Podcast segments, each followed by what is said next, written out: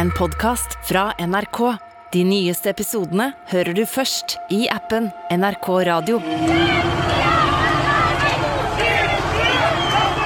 Det koker i Iran.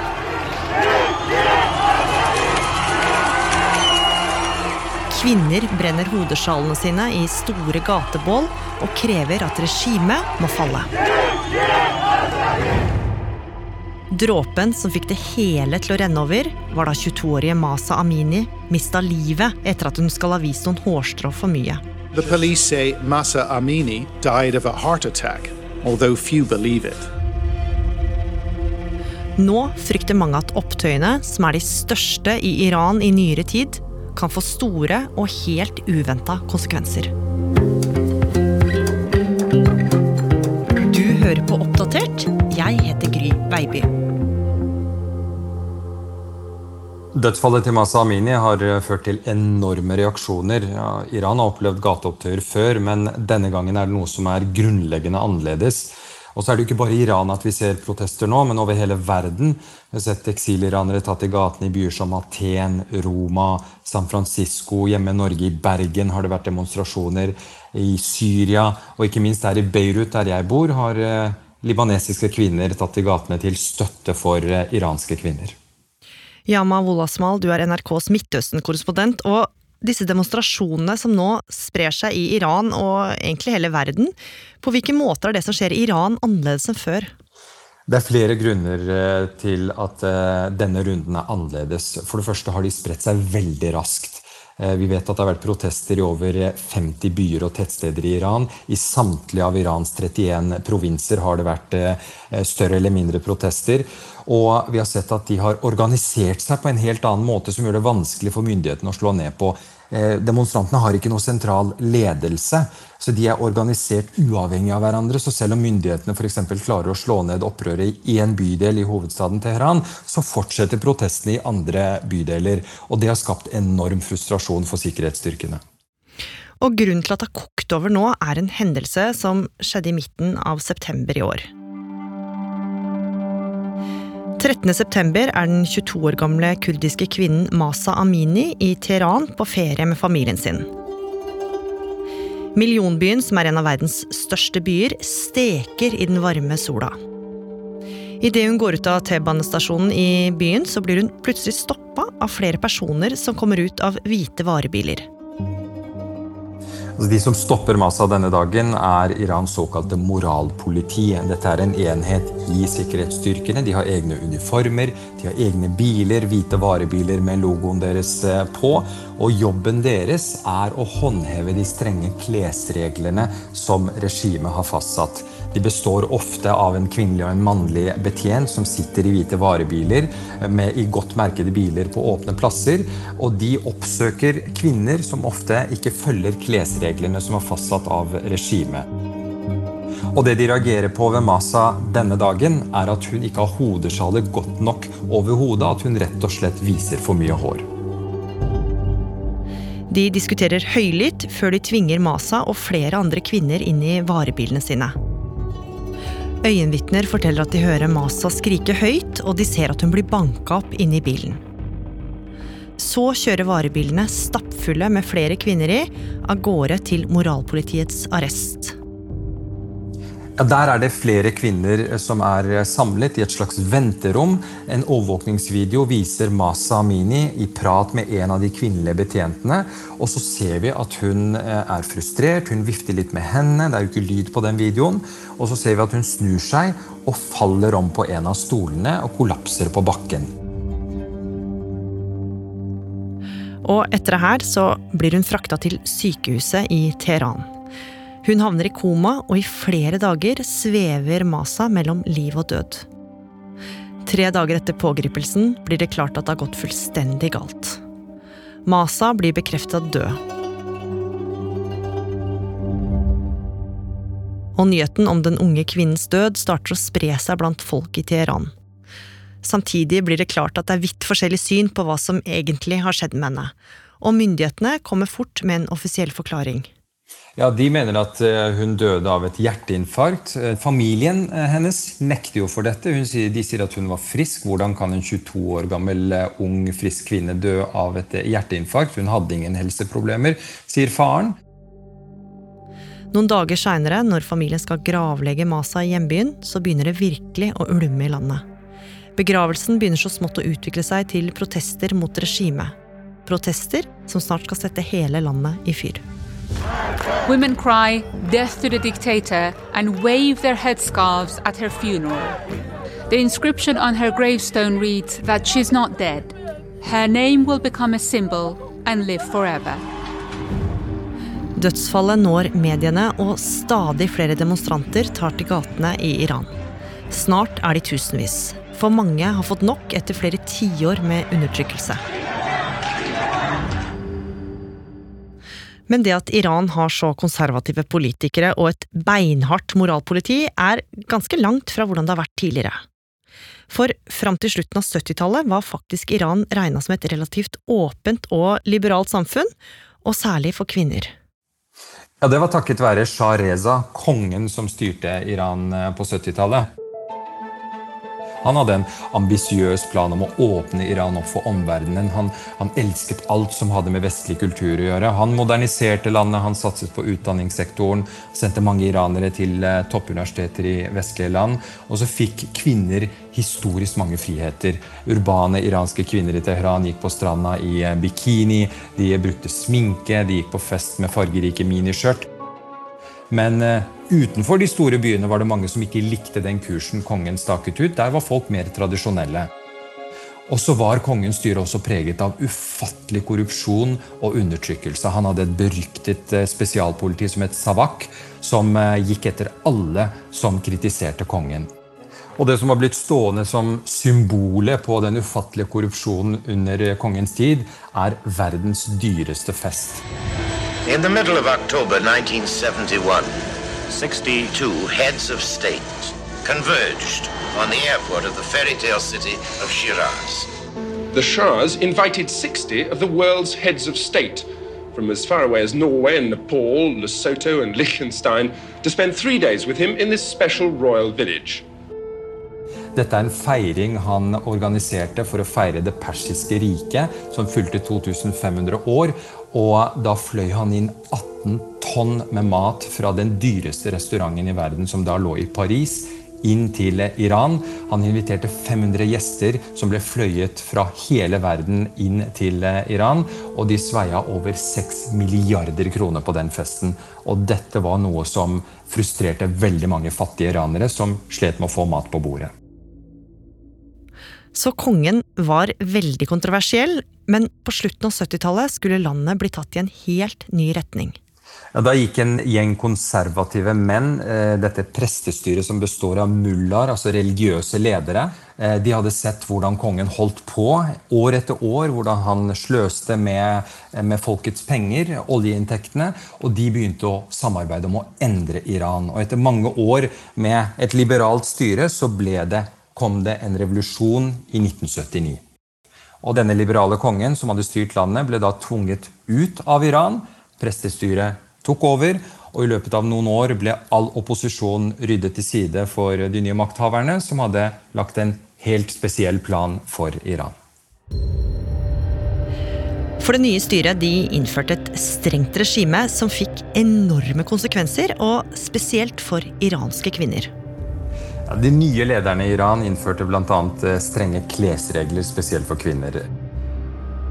Kvinner måtte dekke håret, halsen. Det ble forbudt å gå uten hijab, dette hodesjalet eh, på hodet utendørs.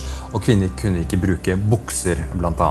Det var heller ikke lov å gå i trange, tettsittende, fargerike klær. Og Årsaken til dette var jo at lederne ville at kvinner skulle gå sømmelig kledd. At de ikke skulle gå utfordrende kledd og vise kroppsfasongen, for de mente at det var imot religionen. Så ikke bare skulle hverdagen bli snudd på hodet over natta for iranske kvinner. De neste tiåra gikk det fra vondt til verre for hele befolkninga i Yama. Ja, for De nye lederne sa bl.a. i vestlige land at nå er festen over. Nå får ikke dere annet tilgang til vår olje på samme måte som dere hadde før. Noe som førte til at vestlige land innførte sanksjoner mot den nye ledelsen. Det førte til eh, skyhøy inflasjon, man fikk eh, eh, stor arbeidsledighet, det var lite økonomisk utvikling, for ingen kunne da samarbeide og drive handel med Iran pga. disse sanksjonene, og veldig mange iranere slet da med å få mat på bordet. Og alle disse enorme nedturene sleit på befolkninga, i tillegg til at de levde i frykt for et regime som var undertrykkende og kvinnefiendtlig. Og ettersom åra gikk, så ble misnøyen blant mange bare større og større, og her og der så blussa det opp med protester rundt om i landet. Ifølge meldinger fra Teheran protesterer titusenvis nå mot det de mener var valgfusk i presidentvalget sist fredag. I dag får ingen vestlige journalister eller fotografer lov til verken å ta eller levere bilder fra såkalte illegale demonstrasjoner. Igjen er det urolig på gatene i Irans hovedstad Teheran.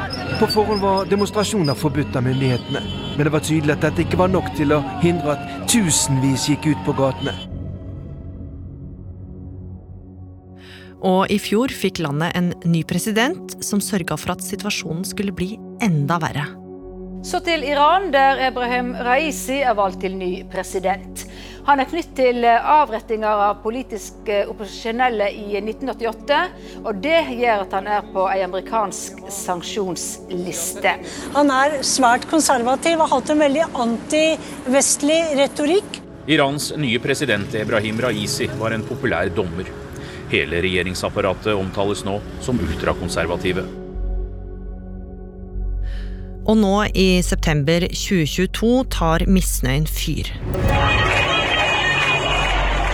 Nyheten om dødsfallet til Masa som døde i moralpolitiets varetekt, sprer seg som ild i tørt gress, og blir for mange iranere dråpen som får begeret til å renne fullstendig over.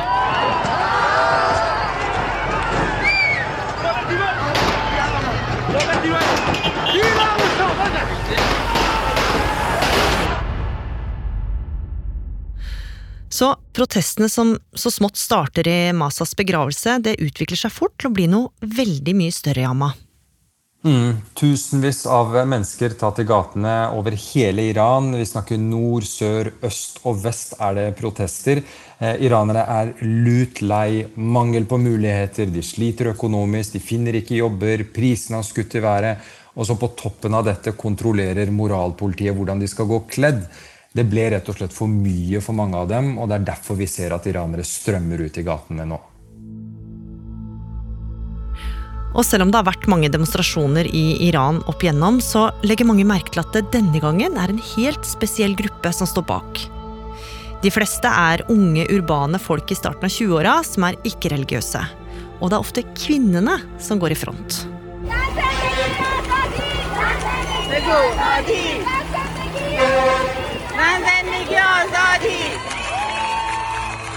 De sier at de ikke orker å leve etter konservative leveregler bestemt av regimet. De er lei av disse reglene, de vil ha frihet. Og en siste ting er at de viser en fryktløshet som har overrasket myndighetene. Normalt i et land som Iran så slår myndighetene brutalt ned på demonstranter, og så dør demonstrasjonene ut. Denne gangen så har vi sett at unge mennesker tar til motmæle. De angriper sikkerhetsstyrker. Vi har sett bilder av unge menn som banker opp politifolk, tenner på politibiler og ikke forlater gatene til tross for trusselen fra sikkerhetsstyrker. Og protestene følger et helt eget mønster. Etter solnedgang, når det begynner å bli mørkt i Iran, så strømmer tusenvis i gatene med plakater i hendene, de roper slagord og knytter nevene mot himmelen. Og selv om de møtes i ly av mørket, så tar de en stor sjanse enorm sjanse. Eh, iranske regimet er ikke nådig mot denne type demonstranter. Eh, fengsler fylles opp. Eh, Iran har satt inn spesialstyrker i kampen mot demonstranter. Dette er egne spesialstyrker som har spesialkompetanse på å slå ned denne type opprør. Så det er ekstremt farlig å stå imot regimet. Vi har sett demonstranter rope slagord som 'Zan zindegi azadi', som betyr kvinne, livet, frihet. Mange steder så sier vi at det er kvinner som leder an. De vifter vifter med brennende hijaber i ansiktet på sikkerhetsstyrker. Det har vi aldri sett før. Eh, vi ser at kvinner klipper av seg håret, og alt dette pågår gjennom natten. Og i sosiale medier dukker det stadig opp videoer der man ser kvinner over hele verden som klipper av seg håret i solidaritet. Across the world, demonstrations in solidarity from outside the White House to Berlin and Greece. I cut in my hair because uh, many of uh, my sister in Iran they gonna die. Og det at mange av kvinnene velger å klippe av seg håret i Amman, det har en helt symbolsk betydning. Ja, for her sier iranske kvinner til regimet jeg klipper heller av meg håret enn at dere skal tvinge meg til å dekke det. De unge demonstrantene krever at de ansvarlige bak dødsfallet til Masa Amini skal stilles til ansvar, men de krever også en annen ting – at Irans moralpoliti skal fjernes. Men det er jo ikke alle iranere som er enig i det her, Yamma. Nei, Iran er et veldig splittet land akkurat nå. For regimet har veldig mange tilhengere som står last og brast ved deres side. Vi har sett Irans TV sende bilder av eh, store massemønstringer. Titusenvis av eh, demonstranter som har tatt til gatene for å vise sin støtte til regimet. Disse menneskene og regimet mener at demonstrantene vi har sett i snart to uker, er organisert av oppviglere og pøbler som vil destabilisere Iran. At de gjør dette på oppdrag for utenlandske makter. Eh, at det er land som som USA og Israel som trekker i trådene for å ødelegge for eh, Iran. Så regimet står ikke alene. De har veldig mange tilhengere også. Og hele tida så merker de unge demonstrantene hvordan regimet prøver å kvele opprøret. Mm, og dette gjør de på flere måter, bl.a. ved å stenge ned internett og sosiale medier, som eh, de unge demonstrantene har brukt til å mobilisere massene. Iran har f.eks. stengt ned eh, populære sosiale medier som WhatsApp, Instagram og Facebook, slik at de ikke kan spre videoer fra demonstrasjonene som går viralt over hele verden, som virker mobiliserende på folk, og som provoserer mange. Videoene fra gatene kommer likevel ut av Iran og florerer over nettet over hele kloden. Men demonstrantene lar seg ikke stagge, og protestene fortsetter. Samtidig blir det klart at myndighetene slår beinhardt ned på det som skjer. Security forces brutally cracking down, pushing back hundreds of protesters. Clashes breaking out, at least 41 people killed so far. It's the largest anti government demonstrations the country has seen in years. Og Yama, det vi ser i Iran nå, er det en ny revolusjon? Altså, snakker man med demonstrantene i gatene, så mener jo de det. De protesterer nå med livet som innsats og sier at de ikke gir seg før regimet går av. Men hvis eh, demonstrantene nå får det som de vil, og det hele ender med at regimet blir kasta, hva kan konsekvensene av det bli? Det kan bli ganske kaotisk. For selv om mange unge iranere mener at regimet må gå nå, så fins det egentlig nesten ingen alternativer til dette sittende regimet. Det er ikke slik at den iranske opposisjonen står klar med en plan for landet, og at de har en leder som er klar til å lede landet videre. Hvis regimet faller, noe som er svært usannsynlig akkurat nå, så frykter mange iranere at landet deres vil ende som et nytt Syria, hvor en blodig borgerkrig kan eh, utspille seg. Det som er mer sannsynlig, er at regimet strammer grepet enda mer for å holde på makten. Men eh, demonstrantene har lykkes med et par ting. Eh, de har gjort Massa til et frihetsikon for mange iranere. Og de har også klart å tenne en gnist hos folket sitt som jeg tror vil være vanskelig for regimet å slukke.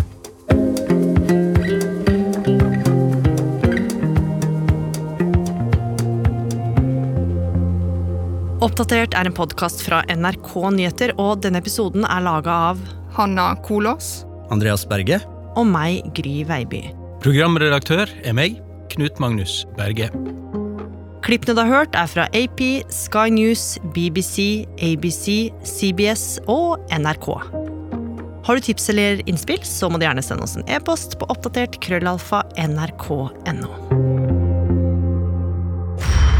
Det sikkerhetsopplegget her, det er så strengt. Hei, jeg heter Sara Natasha Melby, og i årets Maskorama-podkast får du unike hint som du ikke får noe annet sted. Å, det er noe veldig veldig kjent med den stemmen der. Nei, nei, nei. Hele Norge kryssforhører og analyserer. Kanskje det blir deg som klarer å gjette hvem som skjuler seg bak årets masker. Hør Maskorama-podkasten i appen NRK Radio.